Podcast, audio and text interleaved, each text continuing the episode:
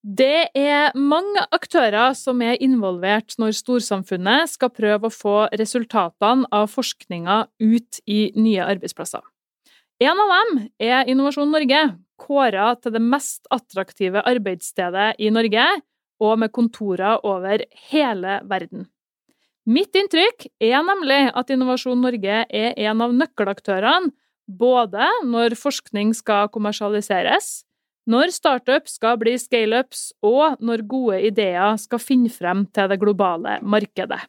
Stemmer virkelig alt det her? I dag har jeg invitert med meg Janina Lamøy, forretningsanalytiker i Innovasjon Norge, hit til Teknoport. For jeg vil vite om Innovasjon Norge faktisk er så kult som det virker, og om alt virker som det skal i virkemiddelapparatet vårt. Er du forvirra? Heng med og få noen svar. Dette er Teknoport sin podkast.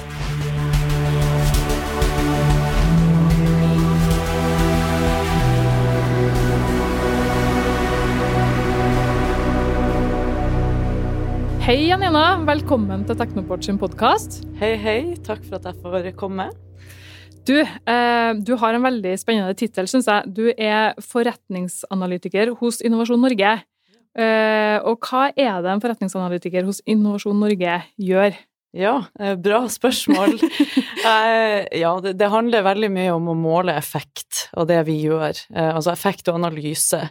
Så det går både på å måle effekt med tanke på interne prosesser, at vi jobber best mulig, er mest mulig effektiv, men også når de riktige kundene. Men så går det også på det å spille inn eh, måling av effekt på det vi gjør utad. Altså hvordan effekt har våre tjenester og produkter for våre kunder, og, og hva, hva kunne vi kanskje ha gjort bedre, eller hva kunne vi ha tilbudt annerledes enn det vi gjør i dag?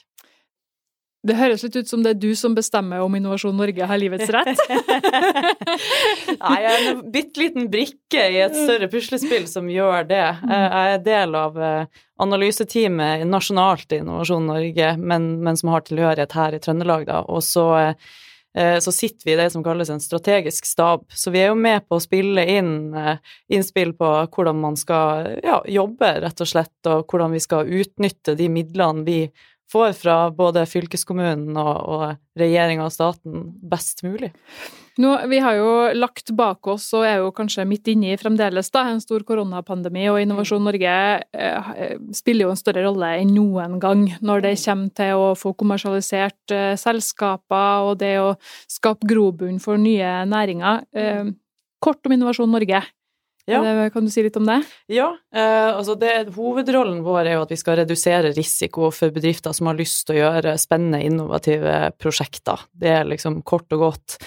Eh, og, og, det vi ønsker skal komme ut av det, er jo flere arbeidsplasser og mer skattepenger, så at vi har en, en god økonomi i Norge, og at folk har noe meningsfullt å gjøre, rett og slett.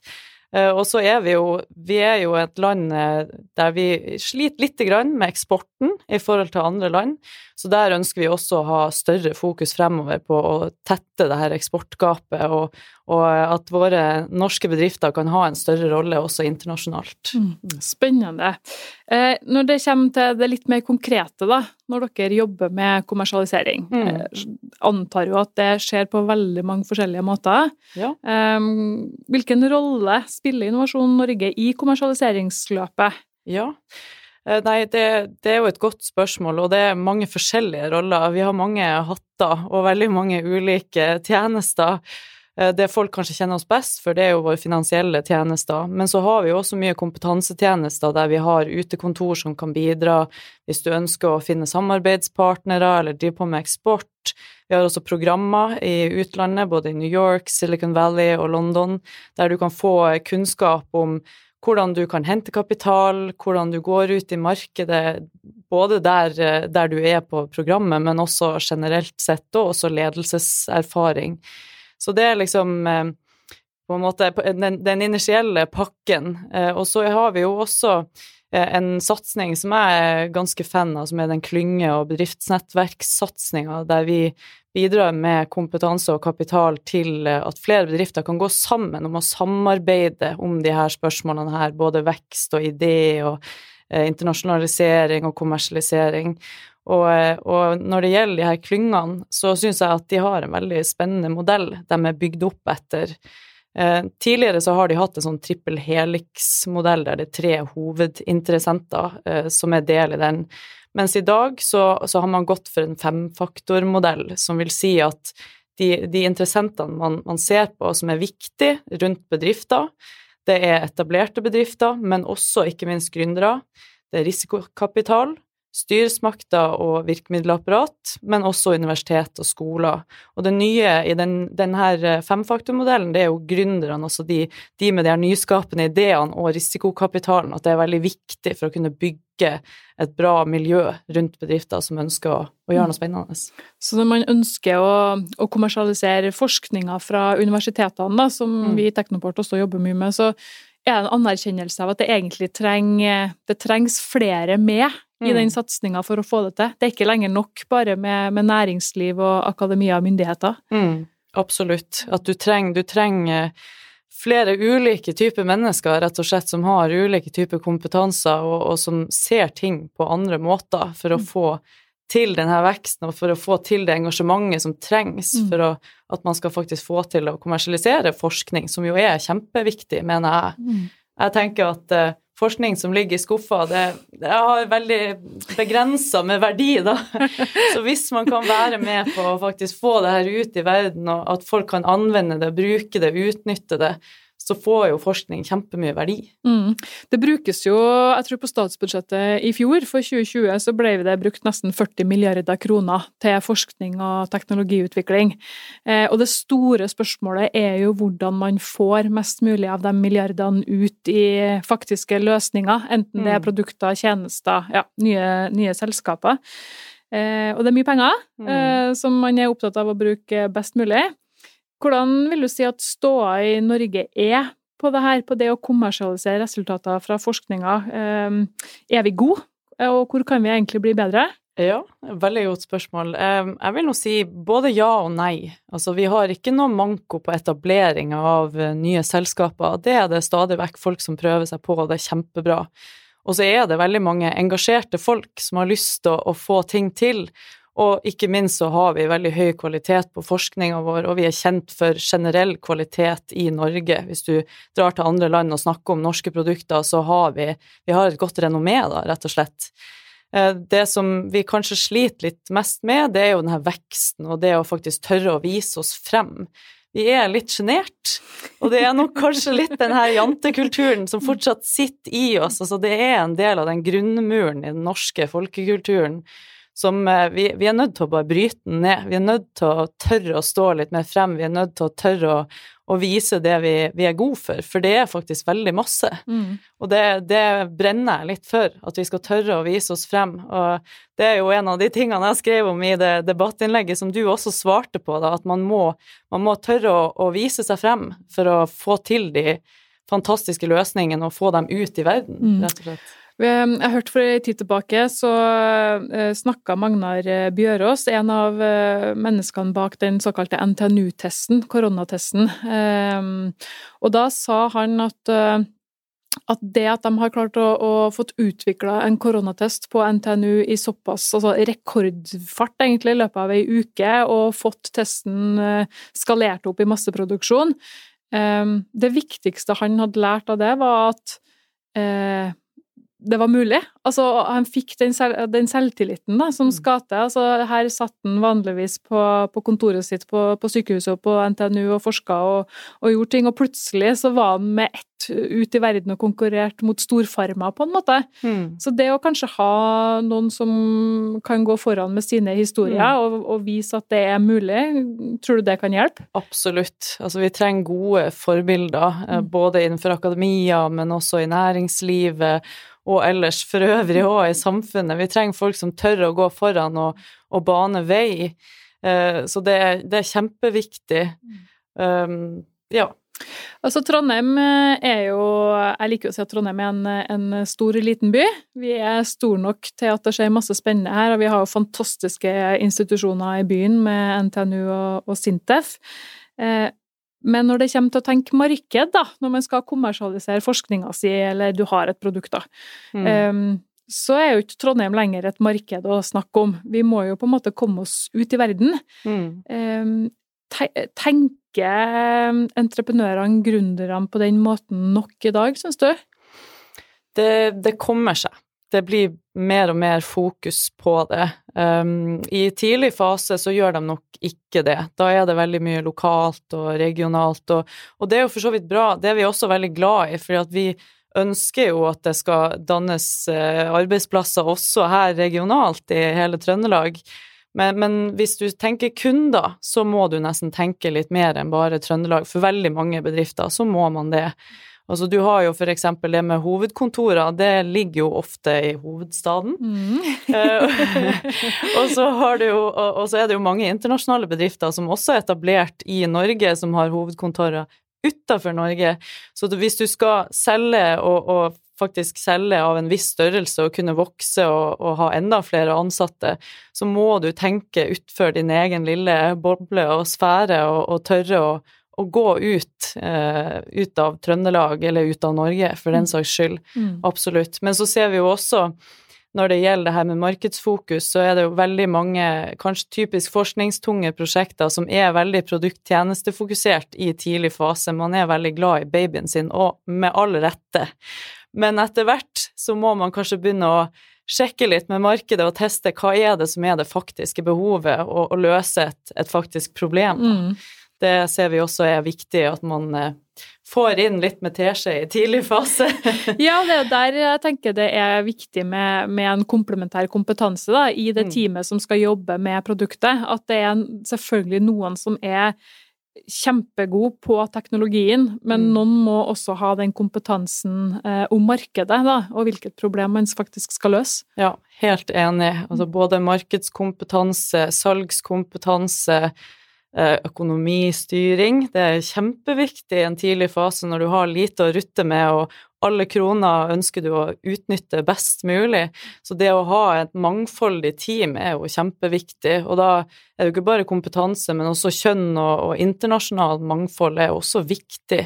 Hvis du ønsker å selge et produkt som er kjempepopulært i Asia, så er det jo nyttig å ha noen som enten kjenner bedriftskulturen eller markedet der, eller i hvert fall ha noen partnere der borte.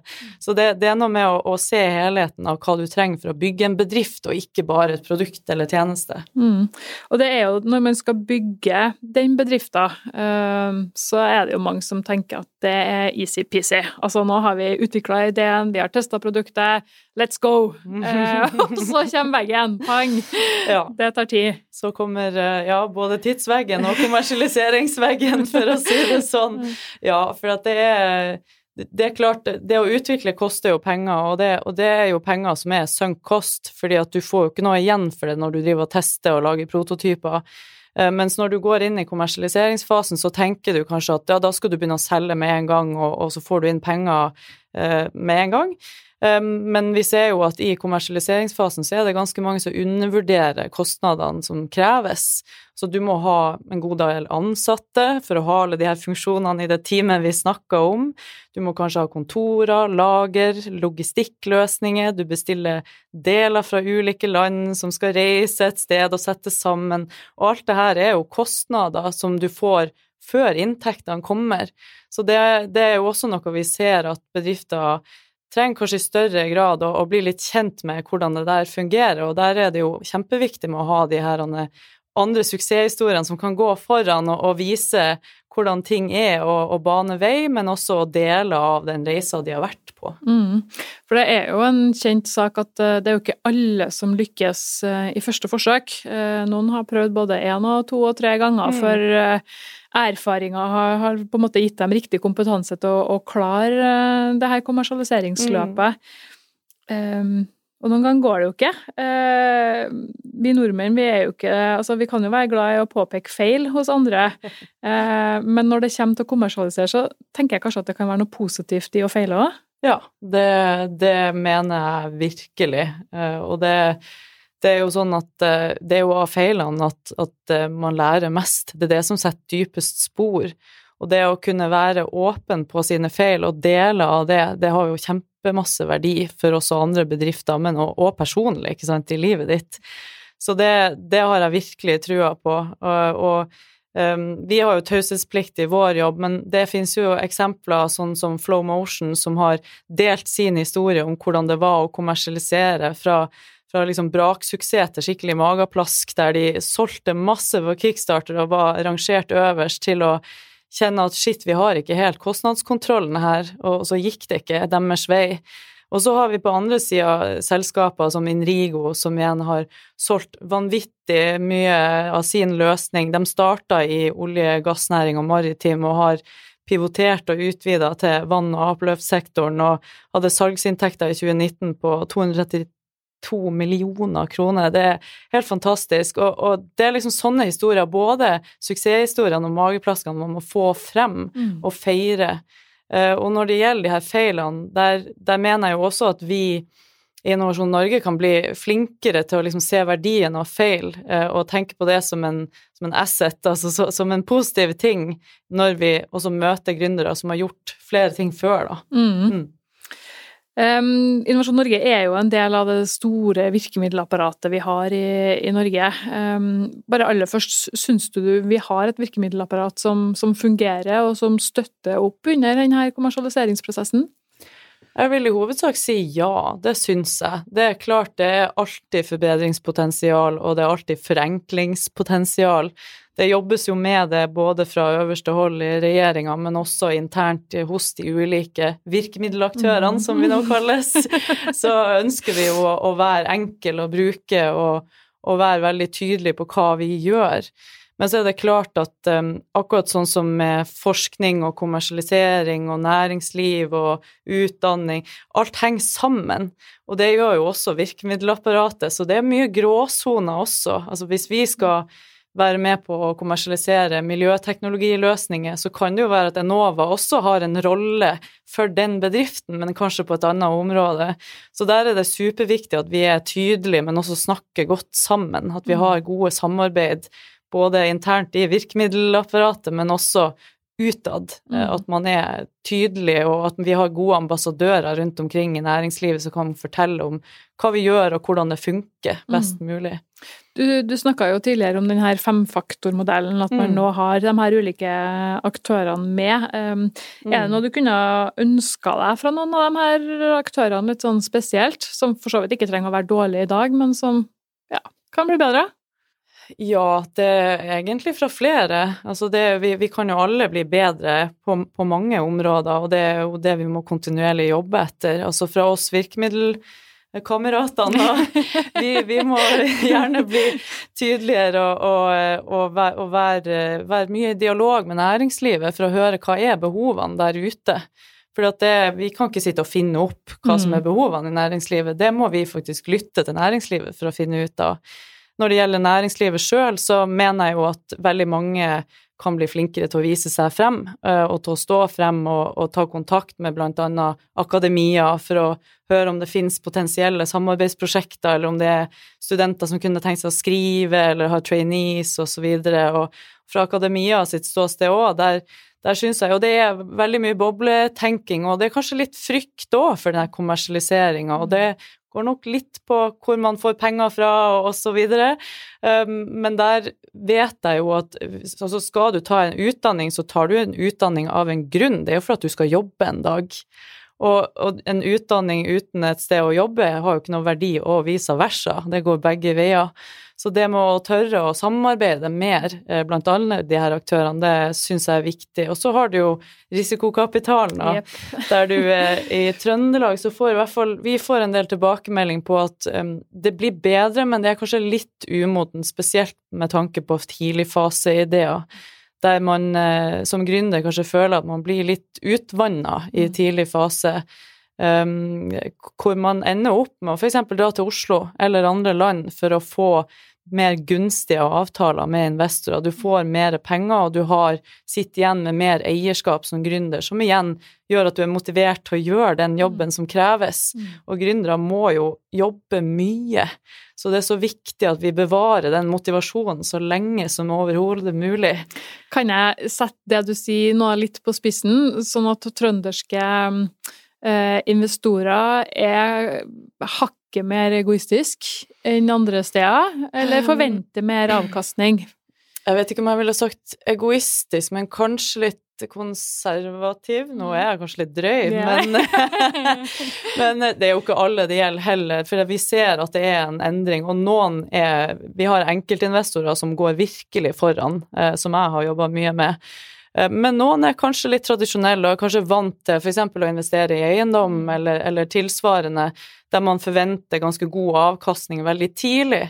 Mens en investor som skal gå inn i en tidligfasebedrift, må tenke på det som en sånn pensjonskonto. Altså her skal du cashe inn lenge i framtida. Det er liksom framtida man investerer i, da. Men det er det jo, sånn Det jo det. oppriktig talt. Det er jo framtidas industri og arbeidsplasser Ja. vi skal leve av. Det er jo ingen hemmelighet at uh, Norge sitt olje- og gasseventyr en dag må ta slutt. Mm. Mm. Og da er det jo de her bedriftene.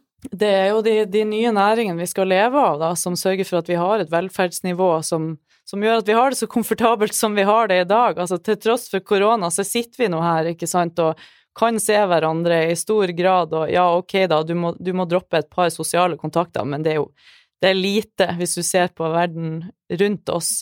Så vi har det sabla bra, eh, og vi må sørge for at vi kan ha det bra fremover også, og da er jo de her nye, spennende eh, bedriftene, de er kjempeviktige. Men jeg må bare komme med et poeng. Det er jo ikke bare i de her eh, små, nye gründerbedriftene fra entreprenørskolen vi ønsker å se ideer. Vi ser jo veldig mange kjempebra ideer komme fra spin-outs i store selskap.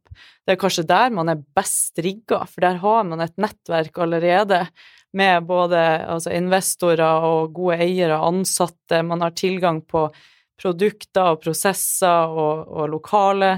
Så der også er det jo masse spennende som skjer, som vi gjerne vil se enda mer av i fremtida. At man tør å satse på underavdelinger eller ideer som oppstår i større bedrifter. Mm. I eksisterende næringsliv, egentlig. Mm. Absolutt. Og det tenker jeg jo, det er jo ikke bare nye selskaper Norge skal ha heller. Vi har jo allerede store industrier som Mm. er kanskje mer avhengig av å revitalisere arbeidsplassene sine. Um, du, um, du holder jo til i Trondheim, eh, og Innovasjon Norge eh, er jo også her. Eh, og Trondheim har jo et stort miljø på mange områder, egentlig, og Mm. ikke minst store institusjoner som NTNU og Sintef. Er det noen egenskaper ved Trondheim som du syns er bra, eh, som gjør at her har vi kanskje noen fortrinn? Ja, definitivt. Og det er jo en grunn til at jeg bor her som nordlending òg, da, ikke Det var sant? ikke helt eh, trøndersk eh, i den aksenten der. Ja, nei, trøndere og, og hele Trøndelag eh, Jeg vil si at eh, det som er kanskje vårt eh, aller sterkeste kort, er jo at vi er veldig samarbeidsfokusert. Vi er såpass liten, men likevel så stor at, at du får et mangfold av forskjellige typer mennesker med forskjellig kompetanse og ideer. Men så har vi også såpass lite geografisk område i hermetegn at vi møtes på ulike arenaer selv om man er ganske forskjellig. Og så er folk her veldig aktive og engasjert, og det ser man jo også innenfor sportsverden, ikke sant, bokstavelig talt. Eh, Trøndere er veldig utadvendt og, og inkluderende og jovial, og det kjenner vi jo til. Eh, Og så er man også rolig, men også veldig kunnskapsrik, ikke sant, du refererer til de store institusjonene vi har her. Eh, Og så er vi kvalitetsbevisst. Noe som kanskje av og til kan være både en, en fordel, men også en byrde, at man liksom ikke tør å vise det fram før det er skikkelig bra. Altså Man må kanskje tørre å, å, å vise en liten snipp av det man driver med, før det er ferdigutvikla Mm. også. Nei, vi, vi har eh, en fantastisk region altså, som har så mye bra eh, å komme med, og ikke minst veldig mange bra naturressurser som vi kan utnytte på en bærekraftig måte. Så jeg, jeg, ja, jeg er trønder, for å Ja. si det sånn. Jeg hører jo det. Jeg hører jo også at du har det artig på jobb. Og når Ja. du skal liksom tenke over hva er det med jobben din som er artig? Nei, det må jeg si er først og fremst mine kolleger. Eh, Jeg har så, eh, jeg har så fantastisk fine folk jeg jobber med, som gjør at jeg både blir utfordra, men, men som også jeg kan diskutere med, og, og vi har eh, ja, man kan vel si vi er en homogen masse som også er litt heterogen, da. Vi har jo det samme målet vi jobber mot, altså vi ønsker jo å se en effekt, vi ønsker å se at spennende bedrifter får muligheten til å utvikle det de har lyst til å utvikle. Eh, og så har vi også eh, høylytte diskusjoner rundt politiske ting på kafferommet, og flirer godt rundt quizen, og det, er et veldig bra arbeidsmiljø. Eh, hvor man har veldig mye ulik type kunnskap. Folk som kommer fra forskjellige sektorer, som har blitt med inn i Innovasjon Norge og, og ønsker å bidra til det samfunnsoppdraget som vi har, da. Så det, det er ja, fantastisk gjeng, det må jeg bare si. Du Janina, det har vært en glede å ha deg med på Teknoport sin eh, podkast. Jeg hører at eh, både du og Innovasjon Norge nyter godt av hverandre. Tusen takk for at du kom. Tusen hjertelig takk for at jeg fikk komme. Og jeg håper at de som eh, lytter på det her, tar ideen sin med ut og så snakker med oss. Det der syns jeg var en fin oppfordring. Takk skal du ha. Takk, takk.